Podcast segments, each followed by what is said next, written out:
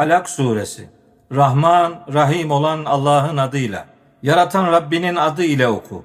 O insanı alaktan yani embriyodan yarattı. Oku, Rabbin en cömert olandır. Kalemle yazmayı öğreten odur. İnsana bilmediğini o öğretti. Dikkat edin, şüphesiz ki insan kendini ihtiyaçsız gördüğü için azar.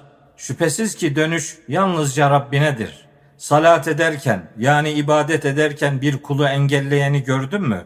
Ey peygamber, gördün mü?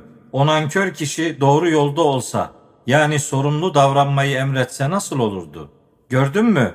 O nankör kişi yalanlayıp yüz çevirirse, böyle devam ederse durumu nasıl olacak? Şüphesiz ki Allah'ın gördüğünü bu kişi bilmez mi? Dikkat edin, bundan vazgeçmezse onu perçeminden yakalayacağız. O yalancı, günahkar perçeminden. O meclisini yani destekçilerini çağırsın.